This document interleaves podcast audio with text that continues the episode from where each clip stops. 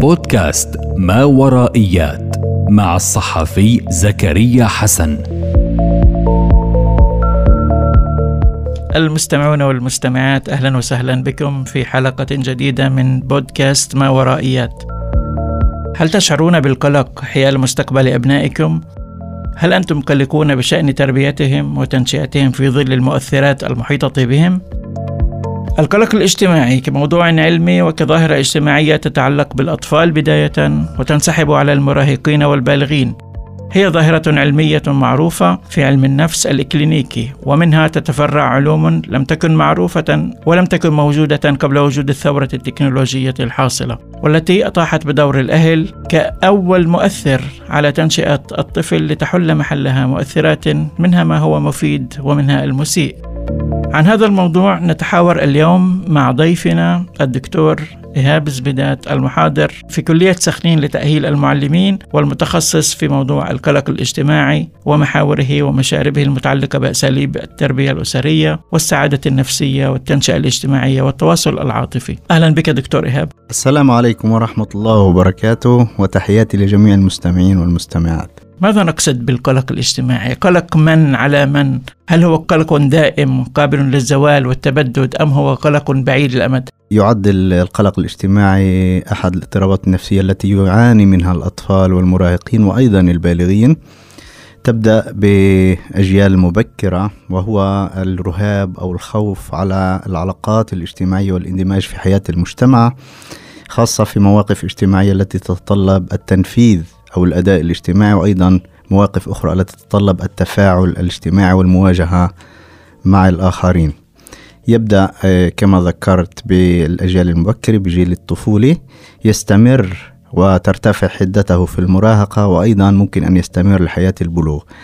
النسب آه، البحثية تتحدث عن آه، حوالي 8 ل 18% من الأطفال والمراهقين بالذات المراهقين الذين يعانون من هذه الظاهرة. قلق اجتماعي. هل هو متعلق فقط في تربية آه، الأولاد أم أنه قد يكون مثلا في الظروف الاقتصادية الصعبة؟ هل هو حيال العنف المستشري في المجتمع العربي؟ هل هي قصيرة الأمد تتعلق بمشروع معين نحن مقبلون عليه؟ أم أنه يعني آه، قلق دائم مستمر حتى تكبر الأجيال وحتى يعني قلق حيال تعلم الأولاد في الجامعات. ما مفهوم القلق الاجتماعي تحديدا؟ أساسا القلق الاجتماعي الفرد يستوعب بأنه آه، ضحل المهارات الاجتماعية ومهارات التفاعل ومهارات أيضا التعبير عن المشاعر مع الآخرين. على سبيل المثال في جيل الطفولة المراهقة الأطفال يكتسبون مهارات اجتماعية ك الحوار الحديث أيضا الاستماع طلب طلب رفض طلب ممكن المجاملة أيضا. عندما يستوعب الفرد أنه قليل المهارات يحدث لديه الخوف والرهاب من المواجهة ومن التواجد في المجال الاجتماعي. لذلك هذا الإنسان أو هذا الطفل هذا المراهق مع الوقت يتجنب هذه المواقف الاجتماعية ويزداد قلقا اتجاهها. وهذا أيضا يستمر لجيل المراهقة وفي جيل المراهقة هناك أهمية عظمى في المواجهة والتفاعل الاجتماعي مع المراهقين لأن جيل المراهقة هو جيل العلاقات الاجتماعية. وإذا لم يتزود هذا المراهق بالمهارات الاجتماعية من أجل الانخراط والاندماج في حياة المراهقة سوف يستوعب أن لديه القليل القليل من الدعم الاجتماعي والعاطفي وهذا ممكن أن ينعكس في اضطرابات نفسية التي تصعب علي عملية الانتقال إلى حياة البلوغ والاندماج فيها. إيه، دكتور إيهاب ذكرنا إحنا في البداية أنه المصدر الأول الاجتماعي خلينا نحكي اللي بحصل عليه الطفل هو بيكون من الأهل ومن الأم بداية. فاليوم إحنا بنحكي إنه في مؤثرات خارجية اللي بتأثر على الطفل ولم يعد يعني دور الأهل هو المصدر الأول. للطفل. اولا اشرح لنا يعني شو هذه المؤثرات الخارجية اللي بتعرض لها الطفل في بداية حياته وكيف بتأثر عليه سواء سلبيا أو ايجابيا. نعم السلوك الاجتماعي يتأثر بعوامل خارجية وأيضا عوامل داخلية. أذكر أولا العوامل الداخلية. العوامل الداخلية طبعا آه، كل القدرات الإدراكية المعرفية والقدرات أيضا الاجتماعية والعاطفية التي اكتسبها الطفل في التنشئة الاجتماعية. حيث أنه وصل إلى أن يكون مراهقا. أما العوامل الخارجية طبعا نحن نتحدث عن كل الأطر التي ينخرط فيها هذا الفرد. هنالك دور لإطار العائلة كإطار مصغر. أيضا إطار مصغر آخر ممكن يكون الحضانة أو الروضة. ولكن مع ازدياد في الجيل طبعا الأطر الاجتماعية تتوسع أكثر فأكثر فانطلق إلى حياة المدرسة وحياة المجتمع وحتى الحضارة والثقافة وحتى وسائل الإعلام تؤثر في السلوك الاجتماعي. لذلك يجب أن نكون حاضرين دائما ما هي الرسائل التي تنقل لأبنائنا الرسائل الاجتماعية سواء كانت من العائلة من الحضانة من الروضة المدرسة وأيضا من المجتمع والعلاقات مع أبناء الجيل خاصة في جيل المراهقة وكل التأثيرات طبعا والضغط الاجتماعي الذي الذي يعيشه المراهق. دور كمان مرة دور وسائل الإعلام مهم جدا ودور العولمة مهم جدا في نقل سلوكيات غير ملائمة وتذويتها من قبل المراهقين. نعم. إيه، دكتور عوامل الحصانة وعوامل الخطر في التنشئة الاجتماعية ونمو الطفل كيف ممكن نحافظ على الطفل إنه ما ما يروح باتجاهات اللي إحنا ما بدنا إياها؟ بداية عامل الخطر في التطور الإنساني وخاصة في تطور الأطفال والمراهقين هو كل ميزة أو كل ظرف يزيد من احتمالات أن يعاني الطفل من اضطراب نفسي مشكلة شعورية أو مشكلة سلوكية التي تصعب عليه عمليه الاندماج. على سبيل المثال من عوامل الخطر المذكورة طبعا ومهمة جدا في حياة الطفولة الإهمال. ممكن يكون الإهمال الجسدي الإهمال الكلامي الإهمال النفسي الذي يمارسه الاهل ضد الطفل. عملية التنكيل والتعنيف أيضا ليست لصالح الطفل هنالك عوامل خطر كثيرة منها التنقلات السكنية أو التنقلات المدرسية عدم الاستقرار العائلي قضايا الانفصال قضايا الطلاق أيضا قضايا يجوز أيضا موت أحد الوالدين. وهنالك عوامل خطر أيضا كثيرة جدا خارج الإطار العائلي منها المرور بصدمة بحادث نفسي بمرور صدمة نفسية بحادث طرق إيه، حوادث الوقوع الحريق والغريق لدى الأطفال التي ممكن أن تعرقل عملية النمو الطبيعي. أما عوامل الحصانة التي يجب أن نعمل عليها فتعريفها أيضا هي كل ظرف كل ميزة تزيد من احتمالات التطور الطبيعي وتحافظ عليه لأن يكون طبيعي ويكون صحي. فمن هذه العوامل التي يجب نعمل عليها هي الترابط الأسري البرامج العائلية الواضحة الانسجام في العلاقات الزوجية متابعة الأطفال إيه، تبني أساليب والدية صالحة كالأسلوب إيه، الأهل أو الآباء ذوي الصلاحية الذين إيه، طبعا يحتوون يتفاهمون يحبون أولادهم يدعمونهم في كل وقت وحين وأيضا هم أهالي قادرين على وضع الحدود الثابتة بالنسبة للسلوكيات الملائمة وغير الملائمة. قديش مهم أنه يكون في اتصال عاطفي بين الابن مع الوالد والوالدة؟ الاتصال العاطفي بداية هي ظاهرة كمان علمية كالقلق الاجتماعي. هنالك نظرية كبيرة عن نظرية الاتصال أو التعلق العاطفي لعالم يسمى جون بولبي وهذا الاتصال العاطفي يعرف كعلاقة عاطفية مستمرة مستديمة على مر الوقت. ما بينفع إنه هذه العلاقة تنقطع أو تتبدد مع مر الوقت. كل طفل أحد متطلبات الطفولة والمراهقة هي بناء الروابط العاطفية الوطيدة. أول مصادر الاتصال العاطفي هي الأم. طبعا المصدر الأول والأهم هو الأم الحاضنة. لا ننسى أن هذا الطفل عاش في رحم الأم لمدة تسعة أشهر. أتى إلى الحياة وهو مربوط مع أمه. هو يدرك الأم عن طريق الإحساس في الأسابيع الأولى عن طريق اللمس عن طريق الشم عن طريق آه، السمع آه، يدرك الأم.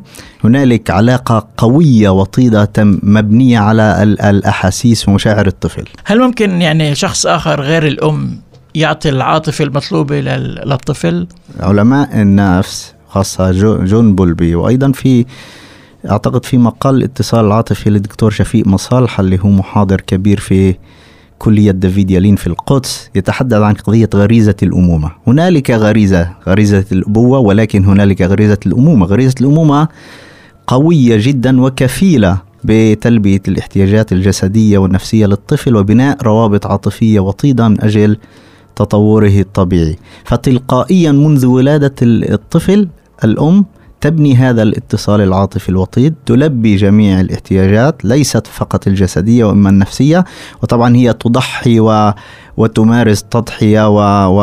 وتلبية هذه الاحتياجات. هل يمكن الأخت الكبرى أحيانا أن تكون يعني مكان الأم أن تعطي العاطفة المطلوبة التي التي يحتاجها الطفل؟ برأيي في عالم ديناميكي متحرك يجوز يجوز ذلك يجوز أن يكون حاضنة مع اتصال عاطفي آمن لطفل. حيث أن هذا الطفل لم يكتسب الاتصال العاطفي الآمن مع أمه أحيانا ويجوز أن تكون معلمة روضة مؤهلة لذلك ومبنية شعوريا. عندها آه، لديها التعبئة العاطفية الشعورية الكافية لكي تبني اتصال عاطفي قوي ومتين وآمن مع جميع الأطفال. ممكن أن تكون أخت. ولكن نحن نتحدث في البداية عن الوضع الطبيعي. الوضع الطبيعي هو أن الأم هي التي تبني الاتصال العاطفي الآمن.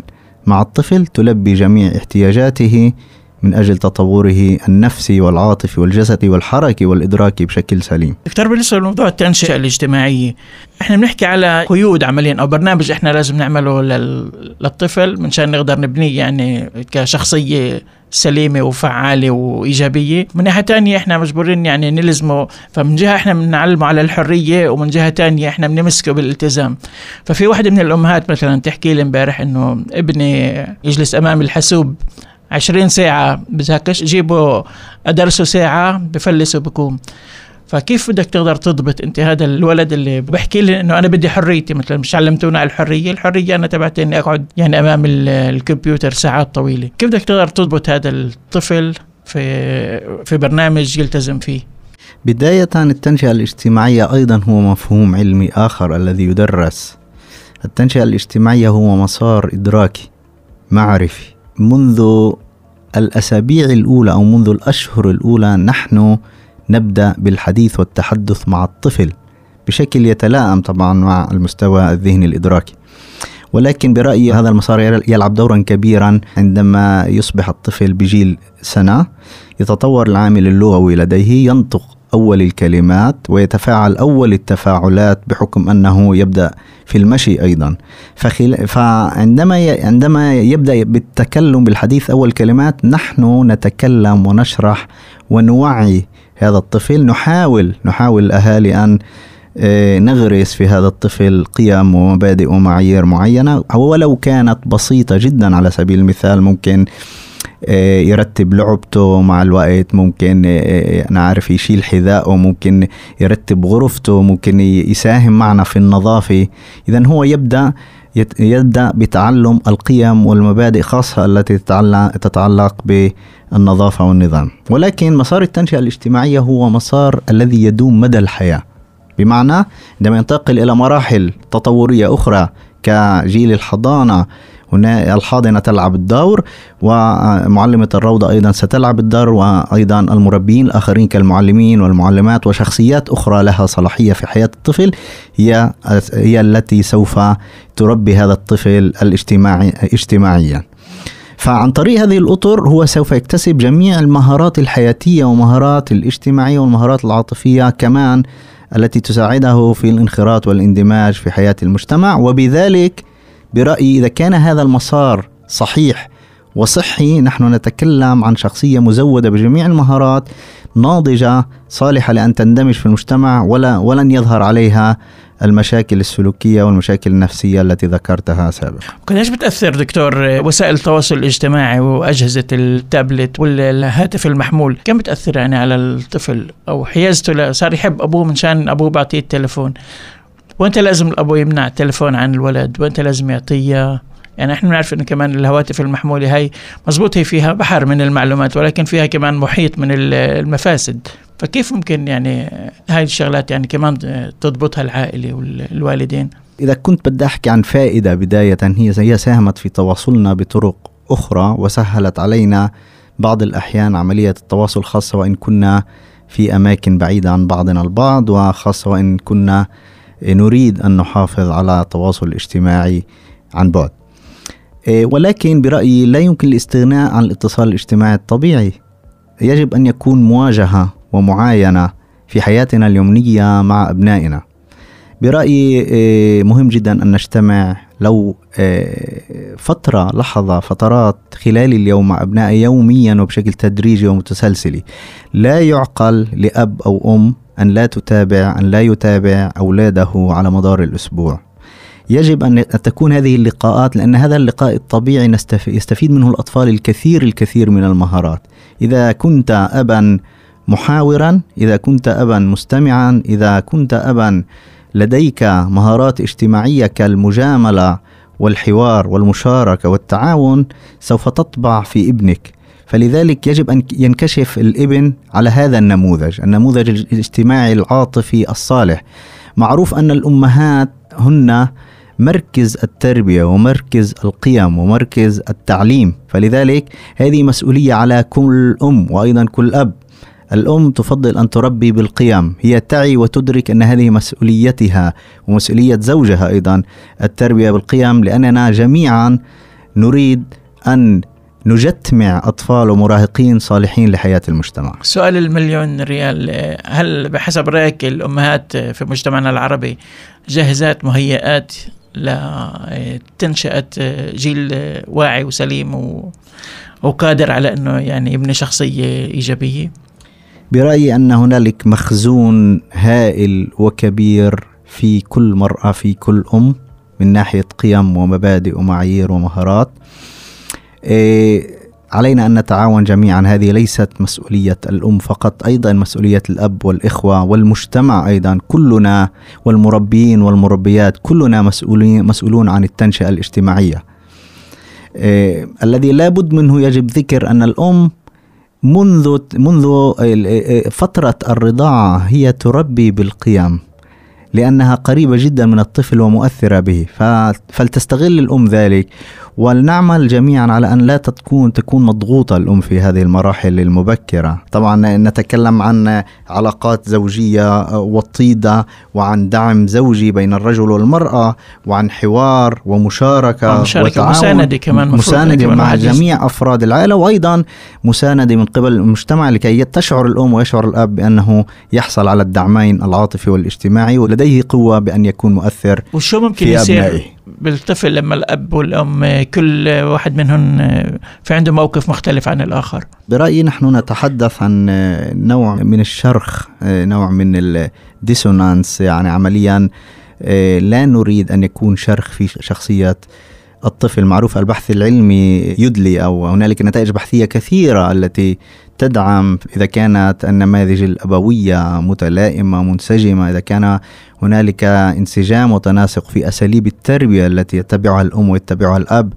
هنالك حوار حول البرنامج اليومي وحوار حول طرق التربية التي يمكن أن نمارسها مع أطفالنا. تكون النتائج التطورية كبيرة وهائلة وناجعة منها أذكر طبعا إذا كان هنالك تناسق في شخصية الأب والأم وفي أساليب التربية هذا سوف ينعكس على التصور الذاتي الإيجابي لدى الأطفال على الحصانة النفسية أيضا لدى الأطفال. هذا أيضا يؤثر على قضية اكتساب المهارات الاجتماعية التواصلية وتطبيقها في حياة المجتمع. أيضا يؤثر على قضية التعبير عن المشاعر لأن الأب والأم في التناسق هذا يعبرون عن المشاعر وهما يكونون نموذج صالح الذي يشاهده الطفل. هنالك نظرية كبيرة نظرية التعلم الاجتماعي لعالم باسم بندورة الذي يقول فيها إذا كان الطفل مكشوف أو معروض على نماذج اجتماعية صالحة إيجابية هو سوف يتعلم من هذه النماذج وسوف يبني نموذج نموذج النموذج الاجتماعي الداخلي لديه الخاص به وهذا حسب رأيي يتعلمه بداية من الأم والأب. إذا كان صالحا هذا النموذج يذوته لنفسه وغدا طبعا سوف يطبقه في حياة المجتمع. وكيف بيكون النتيجة عكسية؟ إذا كان النموذج مختلف إذا كان يعني الأم أو الأب يعني همه الوحيد أنه يشغل الطفل في مستعد يعني يعطيه الجهاز أو يفتح له الكمبيوتر ساعات طويلة بس منشان أنه ما ما ينشغل هو فيه أو منشان هو يتفرغ لوظائفه ولمهماته. برأيي هذا بالذات يغرس سلوكيات وتوجهات غير سليمة في أطفالنا. إن كان يزيد برأيي يزيد في قضية الاندفاعية والغرائزية لدى الأطفال. نحن بالعكس نريد أن ننمي أطفال عند جلد جلد وصبر وأيضا تروي وأيضا انتباه وتركيز من أجل مساعدتهم على بناء شخصياتهم فقضية الإهمال وقضية البعد سوف تنمي جميع المشاكل السلوكية التي ندركها على سبيل المثال ممكن الإخفاء الكذب آه، عدم الصراحة مشاكل سلوكية كالحركة الزائدة أيضا وكعدم الانتباه عدم الالتزام لإطار معين كالحضانة أو الروضة أو المدرسة ويبدأ المربيين والمربيات الآخرين باتصال بنا والشكاوي على أطفالنا. لذلك نحن المسؤولون في ترتيب برنامج واضح وصريح لأطفالنا. ممكن أن يكون في هذا البرنامج أن يمارسوا ويتدربوا ويلعبوا على آه، هذه الوسائل التي ذكرتها ولكن البرنامج نفسه يجب أن يكون متنوع ويجب أن يكون متزن. في هذا البرنامج جائز يكون ساعات من الدراسة ساعات من اللعب آه، خاصة اللعب الجسدي والحركي وأيضا ساعات معينة من اللعب على الوسائل التكنولوجية. وأيضا مهم جدا أن يكون دورات التي تنمي الروح وتنمي عقل الطفل منذ الشرائح المبكرة. نعم دكتور بتعرف أنت إحنا عندنا العاطفة أقوى من العقل. فكتير مرات يعني نقول إنه بنشفق على الطفل. مثلا بتكون الدنيا برد وبدناش نصحيه الصبح منشان ناخده على الحضانة. خليه يضل نايم أريح له وخليه يضل دافع أحسن له. وين الحد يعني؟ وين لازم تكون إحنا متساهلين ومتسامحين مع الطفل؟ وأنت لازم تكون حازمين؟ هل يعني في نقطة فارقة اللي ممنوع نعطي أكثر؟ هذا السؤال من أصعب الأسئلة اللي ممكن أن تسألني إياها كأب. أنت تتكلم عن عن الجانب الشعوري العاطفي تجاه الإبن. أنا أعتقد أنه آه، يجب أن نكون قريبين لأساليب والدية. التي آه، تؤدي إلى تطورات إيجابية في حياة أطفالنا. في هذا الصدد ممكن أن أذكر أن هنالك نظرية كبيرة ونموذج لأساليب الولدية للباحثة أو العالمة باومريند التي تتحدث به عن أساليب الوالدية. هنالك أهل متساهلين هنالك أهل متسلطين وهنالك أهل ذوي صلاحية. هي تدرس هؤلاء الأهالي متغيرين مهمين. الأول الحب. والدفء والحنان والمحبة والدعم والرعاية. والمتغير الثاني هو طبعا آه، وضع الحدود الثابتة بالنسبة لسلوكيات أبنائنا. فكلنا يقيس على نفسه مدى تطبيقه لهذين المتغيرين أو, أو العنصرين. صحيح يجب أن آه، آه، نربط وندعم ونحب ونحتوي أطفالنا ولكن أيضا مهم جدا أن نتذكر أنه علينا أن نضع لهم حدود ثابتة وبرامج ثابتة وهذا أيضا سيؤثر ايجابيا في شخصياتهم ها وخلينا نقول في بناء آه، الهوية الذاتية إذا حرمنا هذا أو ذاك سوف يظهر في شخصيات أطفالنا. ومتى تبدأ مؤشرات العنف عند الأطفال؟ برأيي الأبحاث في السنوات آه، الأخيرة آه، تجد بأن كل إنسان كل طفل يخلق مع ميول وغرائز معينة ليس فقط ميول وغرائز العنف وإنما أيضا ميول وغرائز اجتماعية وميول وغرائز عاطفية أيضا لبناء علاقات اجتماعية وعاطفية مع آه، البيئة أو مع الأشخاص الذين يتعامل معهم يوميا. فبرأيي قضية العنف آه، تبدأ في الأجيال المبكرة خاصة ومربوط مع الموضوع الذي تكلمناه سابقا بناء روابط عاطفية وطيدة وتنمية الاتصال العاطفي الآمن مع أطفالنا. هذا آه، يقي أطفالنا بأن يصدر أو يبدر منهم سلوكيات عنيفة. في الأدب العلمي يتحدثون عن أنواع من الاتصال العاطفي. النوع الآمن هو النوع الذي فيه احتواء ومحبة وأيضا فيه آه، توازن في شخصية الطفل لأن الأهالي أيضا وضعوا الحدود وهؤلاء الأطفال شوهد بأنهم في هنالك اتزان في شخصياتهم أثناء عمليات الفصل فصل الأم مع الطفل هو يلعب ويستكشف المحيط لأن كان لديه تعبئة عاطفية من قبل الأم. ولكن المشكلة في أساليب الاتصال العاطفي غير الآمن. هنالك نوع مقاوم الذي فيه ازدواجية في السلوك وفيه نوع من الصراخ ونوع من الاعتراض عند الأطفال وهذا موجود في أساليب التربية التي نتبعها أحيانا. هنالك نوع غير آمن وهذا يشير إلى نوع من الفتور العاطفي الشعوري أهالي لا يكترثون بأبنائهم وعمليا هؤلاء الأطفال لا يكترثون بالأم أو الأب عندما ينفصلون عنهم. وعمليا نتحدث عن أهالي غير مؤثرين في أبنائهم. وهنالك نوع رابع أيضا خطير جدا هو طبعا الأطفال الذين عنفوا أو الأطفال الذين يعيشون في ظل أهالي إيه، مع اضطرابات نفسية أو كالاكتئاب والقلق النفسي الذي يعيشه الأب أو الأم. وطبعا إيه، لدى هؤلاء الأطفال ظهر نمط من الاتصال الذي فيه القلق والخوف والرهاب وهذا شيء غير طبيعي. لذلك إيه، برأيي إذا نجحنا في تطوير تعلقات عاطفية آمنة مع أطفالنا. هذا سوف ينعكس بشكل إيجابي في شخصياتهم ومنذ الصغر سوف يقلل من مظاهر العنف. سوف يساعدنا أن نبني وننمي فيه من المهارات الاجتماعية. التربية الاجتماعية يجب أن تبدأ من هذه الشرائح المبكرة وتصاعديا إلى مرحلة روضة البستان إلى المدرسة وحيث المراهقة. هذا بناء هذا مسار يبدأ في نقطة ويجب أن يستمر إلى أن يصل إلى نقطة معينة وهي برأيي بناء الهوية الذاتية الاجتماعية والعاطفية للمراهق لكي لا ننتقل إلى حياة البلوغ بشكل ناجح. دكتور بدي أسألك عن مفهوم آه، محور آه، الحصانة النفسية. في عناصر اللي ممكن إحنا نزود الطفل فيها مشان نضمن يكون في عنده حصانة نفسية. احكي لنا شوي عن هاي المحاور الثلاثة. نعم تكلمنا عن مفاهيم كثيرة. أيضا هذا مفهوم آخر في الأدب العلمي بقوة دخل إلى الأدب العلمي الحصانة النفسية. الحصانة النفسية طبعا هي ظاهرة علمية.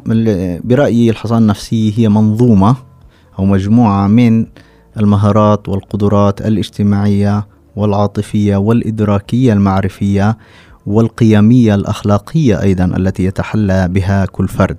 نحن نتحدث في هذا الصدد عن الإنسان المزدهر، عن الطفل المزدهر.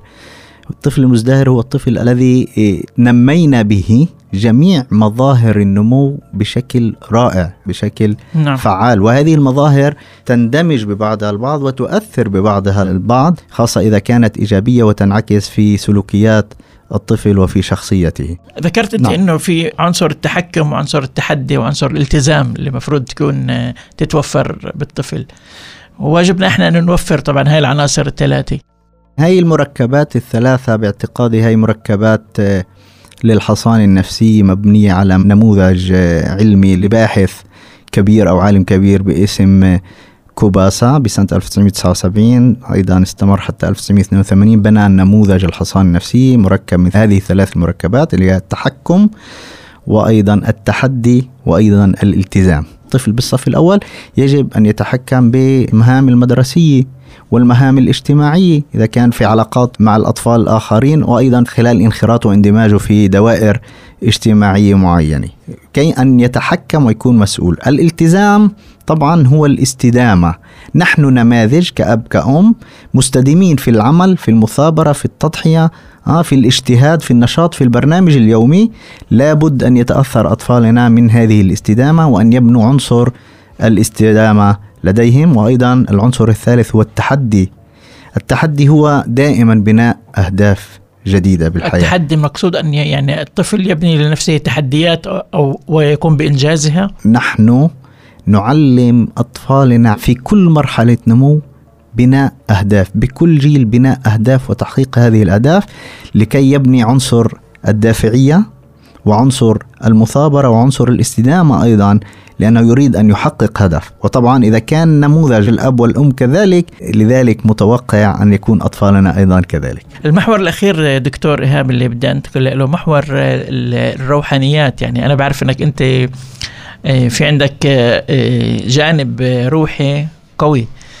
وعن طريقه كمان ممكن تتقدم علاجات للأطفال اللي هن بحاجة لمساعده أو بقصدوا العلاج منك. فحكيت انت إنه في تدريبات روحية أو تمارين روحية اللي ممكن آه، تفيد الأطفال في نمو شخصيتهم برأيي لكي نكون واقعيين العلوم خاصة النفسية والاجتماعية لا تتعارض مع الروحانيات ومع الدين. بالعكس هذا مكمل لذاك.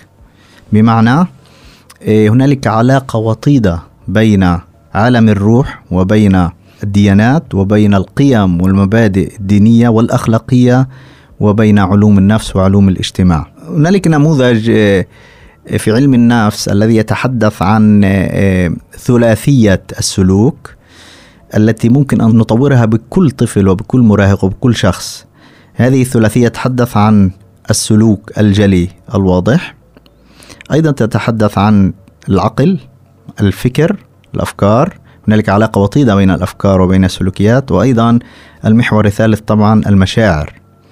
فالطفل أو المراهق الذي لديه انسجام في هذه المحاور الثلاثة محور السلوكي مرة أخرى والمحور العقلي والمحور الشعوري هنالك تناغم جيد بين هذه الثلاث عناصر هذه أيضا تساعد على بناء شخصية ناضجة وعلى بناء طفل أو مراهق مندمج بشكل جيد وصحيح وسليم في حياة المجتمع. حكينا عن التغذية كمان، حكينا عن التغذيه الجسمانية والتغذية العقلية والتغذية الروحية. كمان. نعم. فشو بحتاج الطفل من كل واحدة من هدول العناصر الثلاثة؟